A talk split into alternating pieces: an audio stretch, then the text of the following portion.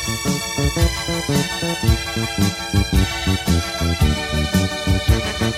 you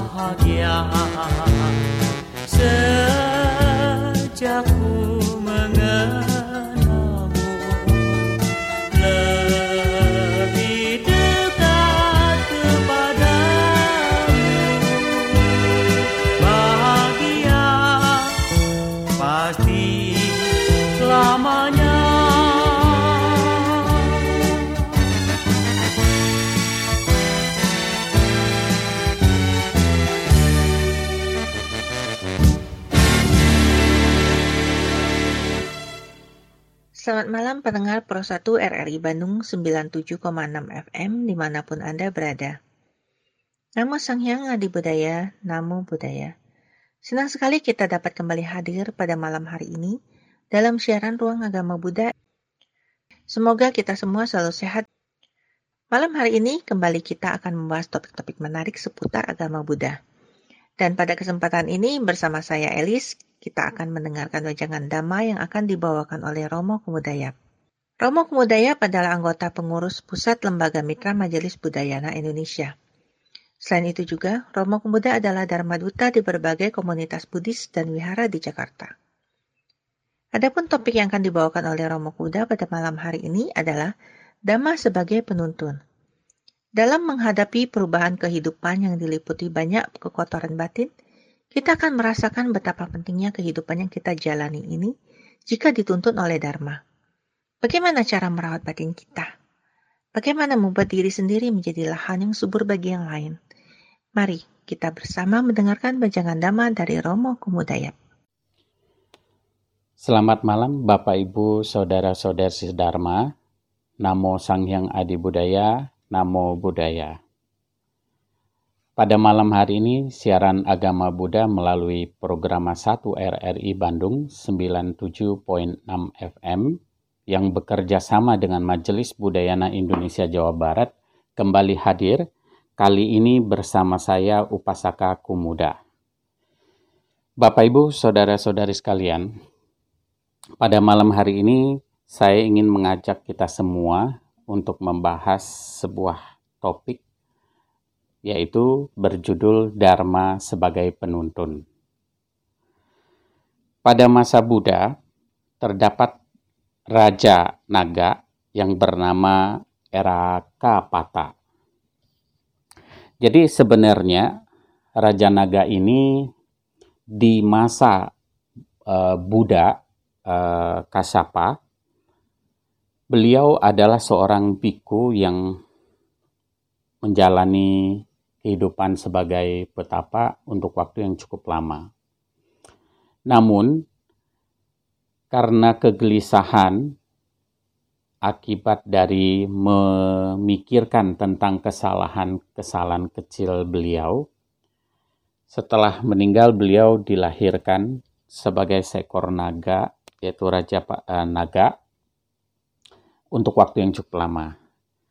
Dan beliau memiliki seorang putri yang cantik, dan putri ini beliau gunakan untuk menemukan atau memastikan apakah seorang Buddha telah muncul atau tidak. Bagaimana caranya? Yaitu beliau menawarkan pada siapa pun untuk menjadi pendamping dari putrinya jikalau mereka dapat menjawab pertanyaan yang diajukan. Nah, pada saat itu terdapat seorang pemuda yang bernama Utara. Jadi Buddha Gotama biasanya setiap pagi melihat dengan Buddha Caku untuk melihat siapa yang hari ini jika mendengarkan Dharma akan mendapatkan manfaat. Apakah mencapai tingkat kesucian, kebebasan, atau bahkan kebahagiaan surgawi sekalipun. Nah, pada satu kali Buddha melihat bahwa pemuda utara ini jika mendengarkan Dharma akan mencapai tingkat kesucian sotapana. Oleh karena itu, Buddha uh, seperti biasanya setiap pagi uh, melakukan pindapata dan mengarah pada uh, pemuda utara ini. Ketika pemuda utara ini bertemu pada Buddha, beliau melakukan penghormatan dan persembahan, dan setelah itu Buddha menyampaikan Dharma sekaligus mengajarkan pemuda utara ini untuk uh, memberikan jawaban sesuai dengan pertanyaan yang akan diajukan. Dan pada saat Buddha menyampaikan dhamma itu, pemuda utara ini benar mencapai tingkat kesucian sotapana, di mana bahwa uh, tidak ada lagi nafsu keinginan pada dirinya. Namun, uh, walau bagaimanapun, Buddha juga uh, meminta pemuda utara ini untuk tetap mendatangi uh, putri dari uh, Raja Naga dan menjawab pertanyaan yang diajukan. Pertanyaan apa yang mereka ajukan? Ada empat ternyata. Yang pertama, putri ini bertanya kepada pemuda utara, yaitu siapakah penguasa?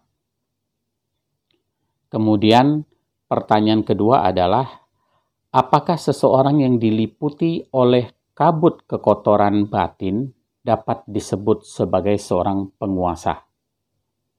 Pertanyaan ketiga, penguasa apakah yang bebas dari kekotoran batin?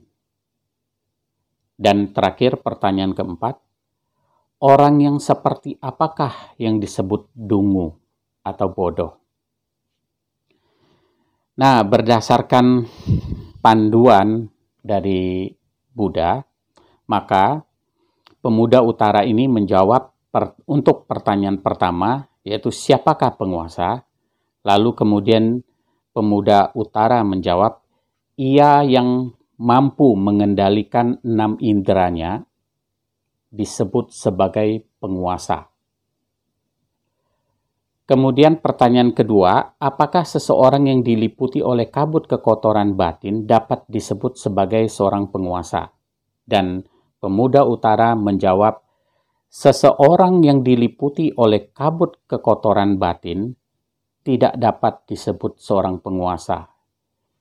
Ia yang bebas dari kemelekatan disebut seorang penguasa. Lalu kemudian pertanyaan keempat, eh, ketiga adalah penguasa yang bebas dari kemelekatan adalah yang bebas dari kekotoran batin. Dan jawaban keempat, seseorang yang menginginkan kesenangan-kesenangan hawa nafsu adalah yang disebut dungu atau bodoh. Nah, Bapak Ibu Saudara-saudari sekalian, empat pertanyaan dan empat jawaban ini ternyata membuat Raja Naga, yaitu era Kapata, kaget dan meyakini bahwa jawaban ini tentulah bersumber dari orang bijaksana yang telah menaklukkan dirinya. Dan akhirnya eh, Raja Era Ekapata Eh, bertanya kepada pemuda utara di mana beliau belajar dan akhirnya beliau dituntun untuk bertemu dengan Buddha Gotama. Dan ketika bertemu dengan Buddha Gotama, Raja para eh, Raja Naga ini yaitu era Kapata kemudian memaparkan bahwa di kelahiran beliau di masa Buddha uh, Kasyapa, beliau adalah seorang biku yang taat, tetapi karena diliputi oleh kegelisahan akibat dari ke, uh, memikirkan kesalahan-kesalahan kecil, maka beliau dilahirkan sebagai Raja Paranaga. Dan setelah beliau memaparkan semua yang uh, terkait dengan dirinya.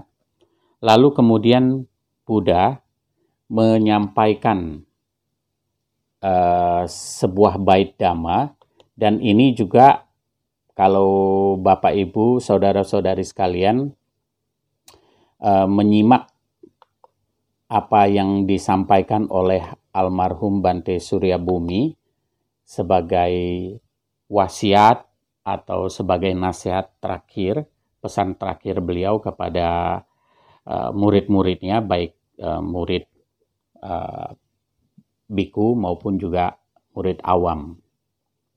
Ini terkait apa yang Buddha saya katakan bahwa sungguh sulit untuk dapat dilahirkan sebagai manusia.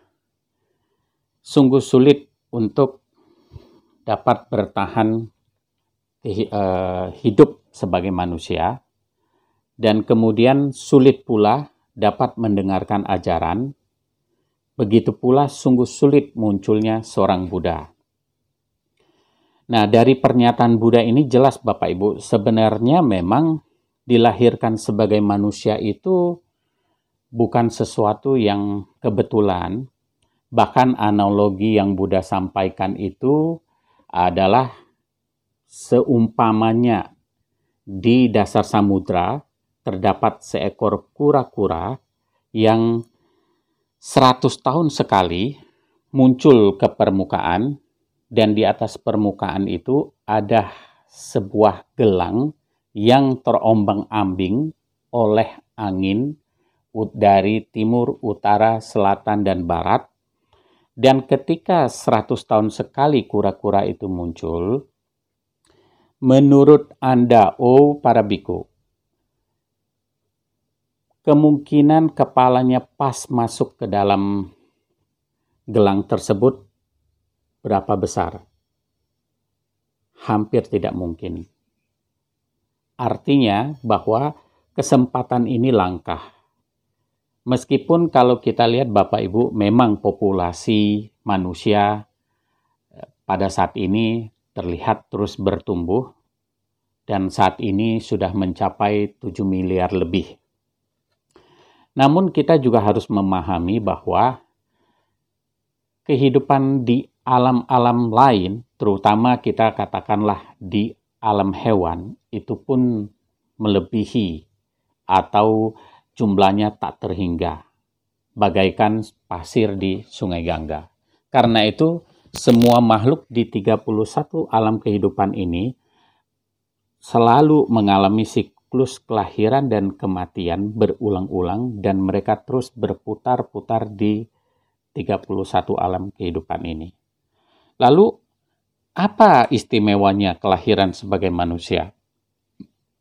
Tentu kelahiran sebagai manusia memiliki kesempatan langkah, yaitu dapat memahami bahwa samsara, yaitu kehidupan sebagai manusia, harus mengalami dualisme.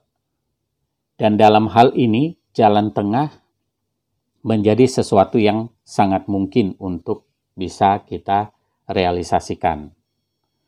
Karena itu, Bapak Ibu, saudara-saudari sekalian, pesan dari almarhum Bante Surya Bumi merupakan salah satu pesan yang cukup penting buat kita agar kita tidak menyia-nyiakan kesempatan dilahirkan sebagai manusia tanpa praktek dharma, tanpa mengumpulkan berkah.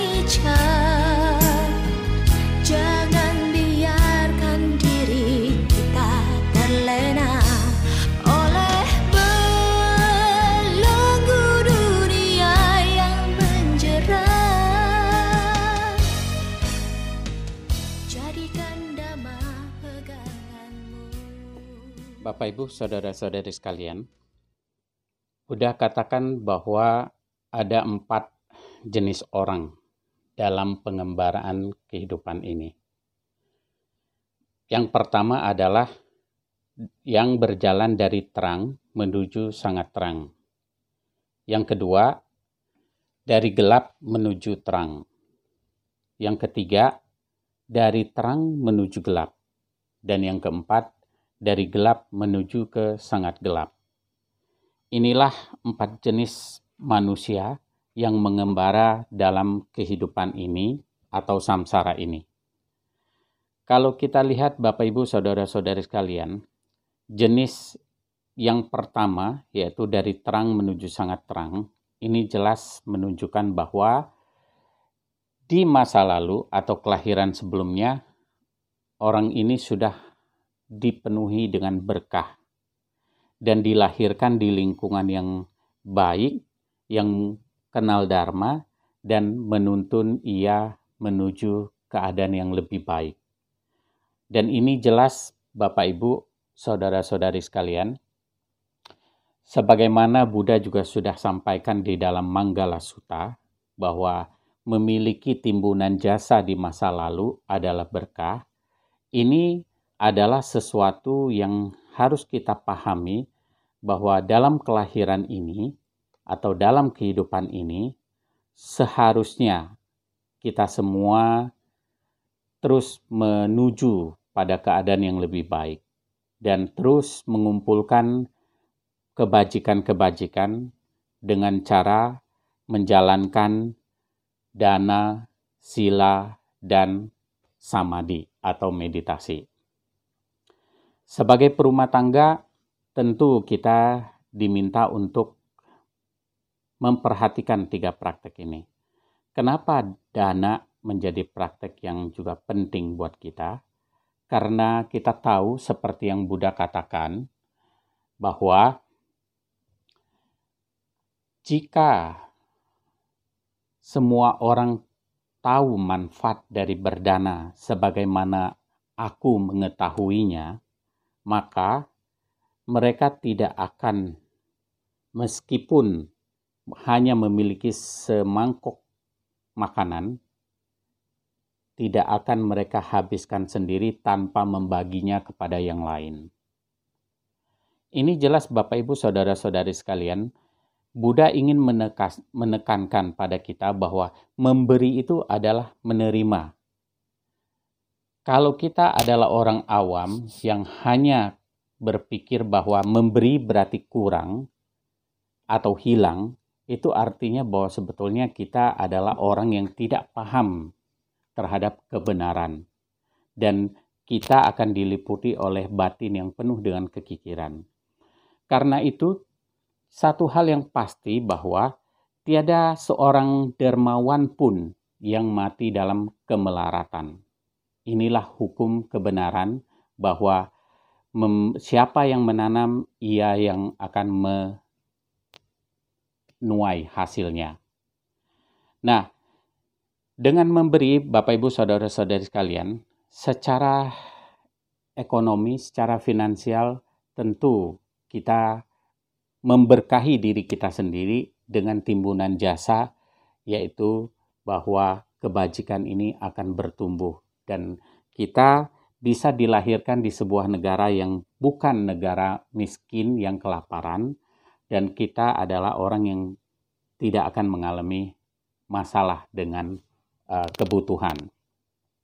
Lalu dengan menjalankan sila, Buddha juga katakan bahwa kebajikan itu harus dipahami ketika kita berdana pada yang lain, berarti kita sedang menanam di lahan orang lain Tetapi Buddha katakan bahwa seyogyanya setiap orang juga membuat dirinya menjadi lahan yang subur bagi yang lain. Dengan dia membuat dirinya penuh dengan kebajikan menjalankan sila, maka berarti bahwa dirinya ada merupakan lahan yang subur bagi siapa pun. Selain bahwa itu juga bagian dari uh, kehidupan yang penuh kebajikan yang menuntun kita kepada arah yang lebih terang. Dan dari kebajikan ini akan lengkap ketika kita juga membersihkan batin kita. Bapak Ibu, kalau kita lihat aktivitas hari-hari kita ini hanya terkait dengan tubuh jasmani. Maksudnya apa? Bahwa kita ini cuma hari-hari makan, mandi, istirahat. Itu semua orientasinya adalah menjaga diri tubuh jasmani ini. Kita kasih dandanan, polesan, dan seterusnya biar terlihat wah. Tetapi banyak orang lupa bahwa batin atau pikiran kita pun juga butuh makanan, butuh perawatan, butuh istirahat. Dan bagaimana cara kita merawat batin kita? Hanya dengan keheningan bermeditasi yang dapat membuat noda-noda batin di dalam mulai berkurang dan dengan kedamaian maka fajar kebijaksanaan pada diri kita akan terus bertumbuh. Itulah idealnya bahwa pengembaraan dari terang menuju sangat terang artinya bahwa kehidupan ini terus naik-naik dan tidak jatuh. Kalaupun mungkin kita adalah bukan orang yang pertama, setidaknya kita berharap bahwa kita adalah orang kedua, tipikal kedua, pengembara kedua, yaitu yang dari gelap menuju terang. Maksudnya apa? Maksudnya adalah mungkin saja bahwa di kelahiran ini kita tidak dibekali cukup kebajikan di masa lalu dan kita mungkin berada di lingkungan yang tidak kenal dharma. Tetapi sering dan waktu ketika kita bersosialisasi, bertemu dengan orang bijak, dan juga mengunjungi Bante, dan juga ikut kebaktian wihara, maka kita menemukan satu lingkungan yang baik, yang di dalam Dhamma eh, di Manggala Sutta, Buddha juga katakan bertempat tinggal yang sesuai, bergaul dengan orang bijak, tidak bergaul dengan orang bijak adalah berkah. Jadi pada saat ini Bapak Ibu Saudara-saudara sekalian, kita sudah ke wihara mendengarkan dharma, bahkan guru-guru bante-bante eh, dharma desana kita sudah mendengar dan ini merupakan bahwa pada eh, situasi ini kita sedang menuju ke arah terang. Oleh karena itu, hendaknya kita tidak menyia-nyiakan kesempatan ini karena sungguh ketika kita berkesempatan mendengarkan Dharma atau berada di lingkungan orang-orang yang praktek Dharma, itu sungguh adalah merupakan sebuah berkah yang tak terhingga. Lalu kemudian, tipikal orang ketiga, yaitu yang dari terang menuju gelap. Nah, ini Bapak Ibu, saudara-saudari sekalian, Sangat disayangkan bahwa ketika seseorang ini memiliki timbunan kebajikan masa lalu yang baik, tetapi karena pandangan salah atau salah pergaulan, maka beliau boleh dibilang jatuh dalam situasi yang gelap. Salah satu contoh, Bapak Ibu, tidak semua hal yang kalau kita bilang gini, oke okay, kita semua pasti ingin untuk menjadi orang kaya. Tetapi satu hal yang pasti yang harus kita pikirkan bahwa apakah kita sudah siap untuk menjadi kaya? Tidak semua orang siap untuk jadi kaya. Katakanlah sekarang kita dapat tiba-tiba 100 miliar. Kalau kita adalah orang yang tidak siap kaya, ini seperti yang Buddha bilang, bahwa kekayaan itu bagaikan pisau. Kalau kita gunakan dengan benar, itu bisa bermanfaat untuk kita dan yang lain. Tapi kalau kita salah menggunakan, itu bisa melukai diri kita dan melukai orang lain. Dan dalam hal ini, ketika kita merasa bahwa kita berkecukupan, lalu kemudian kita mulai merendahkan orang, menyombongkan diri, angkuh, maka sebetulnya kekayaan itu bukanlah merupakan sebuah berkah, tapi sebuah kemunduran. Karena itu, Bapak Ibu, saudara-saudari sekalian, merasa cukup, merasa puas, dan bersyukur dengan apa yang kita miliki, itu adalah salah satu hal yang apa namanya kalau Buddha katakan kekayaan yang paling tinggi dan jangan disesali karena itu tadi kalau kita tidak siap kaya kita bisa celaka. Karena itulah merasa bersyukur dengan apa yang kita miliki itu merupakan kekayaan sejati. Lalu yang keempat ini lebih tragis, artinya bahwa timbunan jasa masa lalu tidak eh, cukup, kemudian dilahirkan di lingkungan yang juga tidak kenal Dharma, sehingga yang terjadi adalah dari gelap menuju sangat gelap. Bapak Ibu coba bayangkan kalau kita eh, dilahirkan atau tinggal di sebuah keluarga yang, waduh, jangankan bicara kebenaran, tidak bisa membedakan mana yang benar, mana yang salah mana yang pantas dikerjakan, mana yang tidak pantas dikerjakan. Pasti kehidupan itu stres, kacau. Dan kemudian kita pun akhirnya dididik dengan cara yang salah, pandangan yang salah, lalu kemudian kita eh, apa terpengaruh dan inilah yang kita sebut orang buta menuntun orang buta. Dan yang terjadi adalah kemungkinan celaka jatuh dalam jurang itu lebih besar. Oleh karena itu, Bapak, Ibu, saudara-saudari sekalian, kita harus bersyukur bahwa kita telah mengenal Dharma dan kita adalah orang yang masih sehat dan secara apa eh, ekonomi atau kehidupan juga cukup-cukup. Dan inilah merupakan berkah dan momen waktu yang pas untuk berjuang.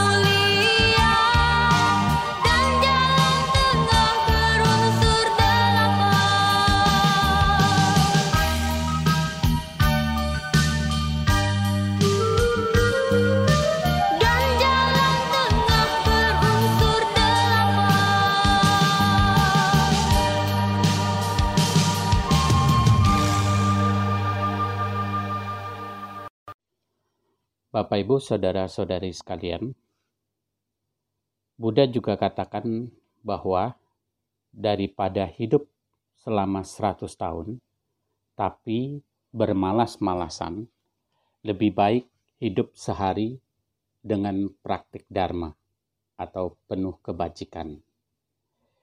Ini jelas bahwa Buddha ingin menyampaikan kepada kita bahwa kehidupan sebagai manusia itu sangat-sangat berharga. Hari demi hari itu merupakan satu kesempatan untuk mengembangkan potensi diri kita, kemajuan batin kita, kebijaksanaan kita. Jika ini disia-siakan, maka nggak ada artinya walaupun hidup selama 100 tahun. Dan Buddha sudah mengingatkan pada kita semua bahwa kita ini hidup jangan seperti seekor kerbau yang hari demi hari cuma badannya doang yang makin gemuk, tapi kebijaksanaannya tidak bertambah. Oleh karena itu, Bapak Ibu saudara-saudari sekalian, Buddha mengatakan, apalah artinya mengalami kerugian materi? Kerugian terbesar adalah kehilangan kebijaksanaan. Begitu juga, apalah artinya memperoleh keuntungan materi? Keuntungan terbesar adalah memperoleh kebijaksanaan. Berarti bahwa hal yang paling bernilai dalam kehidupan ini sebenarnya adalah kebijaksanaan. Seseorang boleh saja kehilangan materi, kehilangan orang yang dia cintai, tetapi ketika kehilangan kebijaksanaan, maka sebetulnya kehidupan itu menjadi downgrade, artinya bahwa turun. Kualitas kehidupan kita hari demi hari haruslah menunjukkan bahwa kebijaksanaan diri, kematangan diri itu terus bertumbuh. Kita nggak bisa membayangkan bagaimana kehidupan tanpa penerang. Kita tidak tahu betapa bahwa jebakan-jebakan kemelekatan, kebencian, dan kebodohan sudah menjerat kita begitu lama.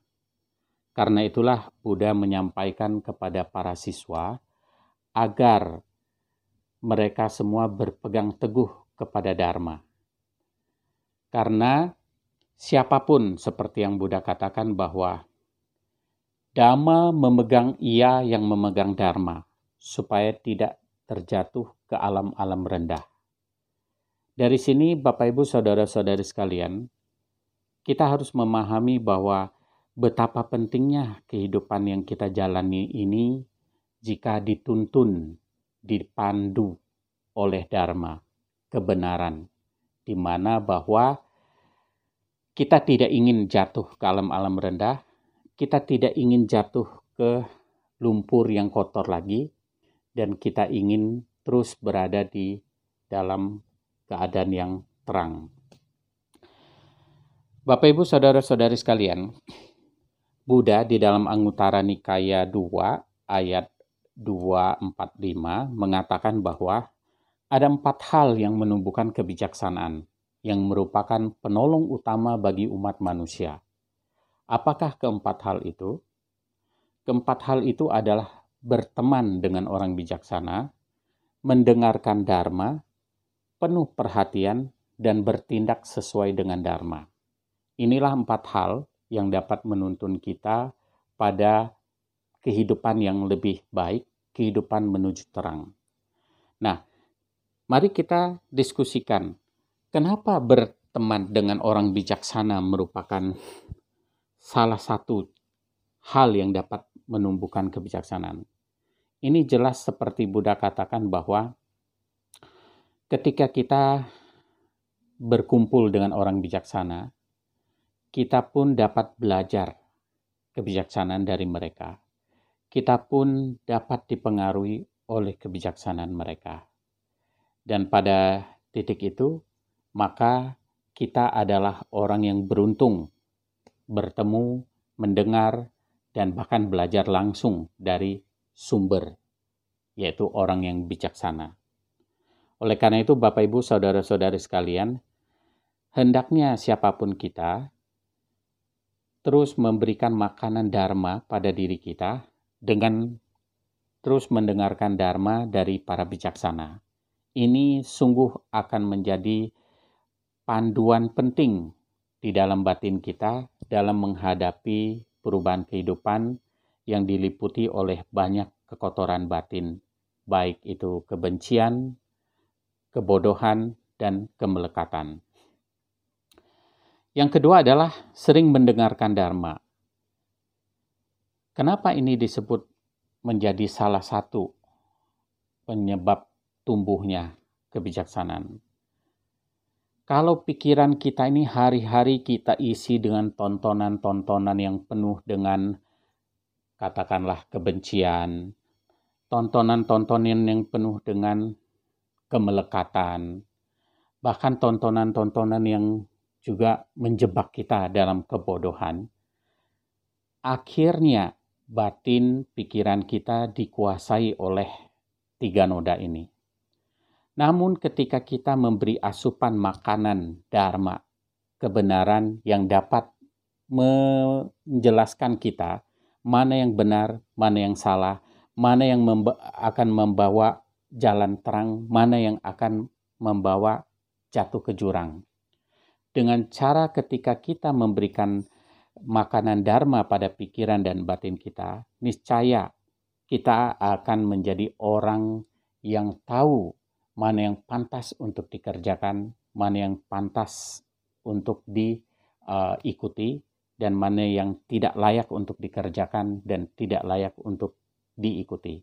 Inilah kebijaksanaan yang bersumber dari pengetahuan Dharma yang baik. Lalu yang ketiga adalah penuh perhatian pada hal-hal yang benar. Maksudnya apa? Bapak, Ibu, saudara-saudara sekalian, satu kali Buddha ditanya oleh uh, seorang biku, Bante, apa yang menjadi makanan dari kebodohan? Dan apa yang menjadi makanan bagi kebencian?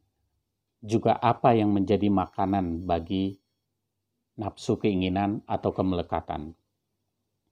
Kemudian Buddha katakan, jika engkau memberikan perhatian secara penuh kepada hal-hal yang dapat membawa nafsu keinginan atau kemelekatan terus berkembang, maka itulah makanan bagi tumbuhnya kemelekatan.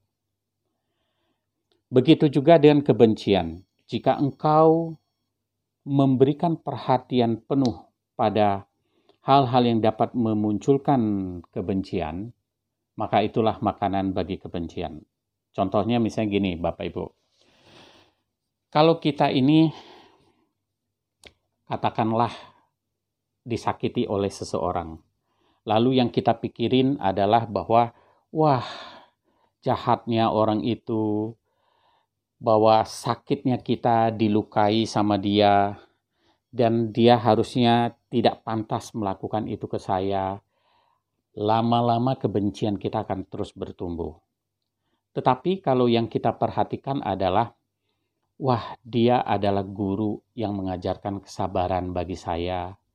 Dia adalah orang yang menolong supaya karma buruk saya berbuah. Dia adalah teman yang bagus yang menunjukkan kesalahan saya. Bahkan dia adalah orang yang meluangkan waktu untuk memperhatikan saya. Jika itu yang kita perhatikan, maka kebencian itu tidak akan bertumbuh. Karena itulah Buddha katakan, memperhatikan hal-hal yang benar itu menjadi penting supaya noda batin kita tidak terus berkembang. Dan yang terakhir adalah bertindak sesuai dengan dharma. Maksudnya apa? Bahwa kita paham bertindak sesuai dengan dharma itu sangat berbeda dengan uh, cara orang awam bertindak. Contoh, ketika kita disakiti, bagi orang awam lumrah kalau kita balas. Tetapi secara dharma itu bukanlah sesuatu yang lumrah. Justru dharma mengajarkan kita bahwa kejahatan itu tidak seharusnya dibalas dengan kejahatan. Kenapa? Karena itu tiada akhir. Kebencian dihadapi dengan kebencian nanti saling dendam dan terus saling menyakiti. Hanya dengan cinta kasih yang dapat menyelesaikan itu semua. Oleh karena itulah Bapak Ibu saudara-saudari sekalian, pesan terakhir dari Buddha ketika beliau akan parinibbana, semua murid-murid siswa-siswa beliau, baik itu para biku maupun juga upasaka-upasika, merasakan kehilangan. Dan semua juga bertanya-tanya, kalau Buddha tiada, siapa penggantinya? Lalu akhirnya Buddha katakan, kepada semua hadirin melalui Ananda, Buddha mengatakan demikian. Karena itu Ananda, kalian harus menjadi pulau bagi dirimu sendiri. Dengan menjadi pulau bagi diri sendiri bukan berlindung pada orang lain. Kalian harus menjadikan dhamma sebagai perlindunganmu.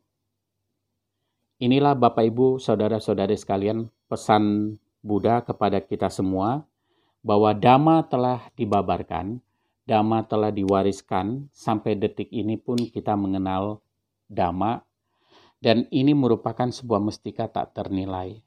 Oleh karena itulah, jadikanlah dhamma ini sebagai penuntun bagi kehidupan kita dalam mengarungi samsara ini. Demikian apa yang bisa saya sampaikan pada malam hari ini. Semoga kita semua maju dalam dhamma, bahagia dalam dhamma, dan segera bebas dari penderitaan. Terima kasih atas perhatiannya. Selamat malam. Namo Buddhaya. Baiklah pendengar Pro 1 RRI Bandung 97,6 FM, kita telah sampai di penghujung acara. Terima kasih kepada Romo Pemuda yang telah berbagi Dharma bersama kita pada malam ini.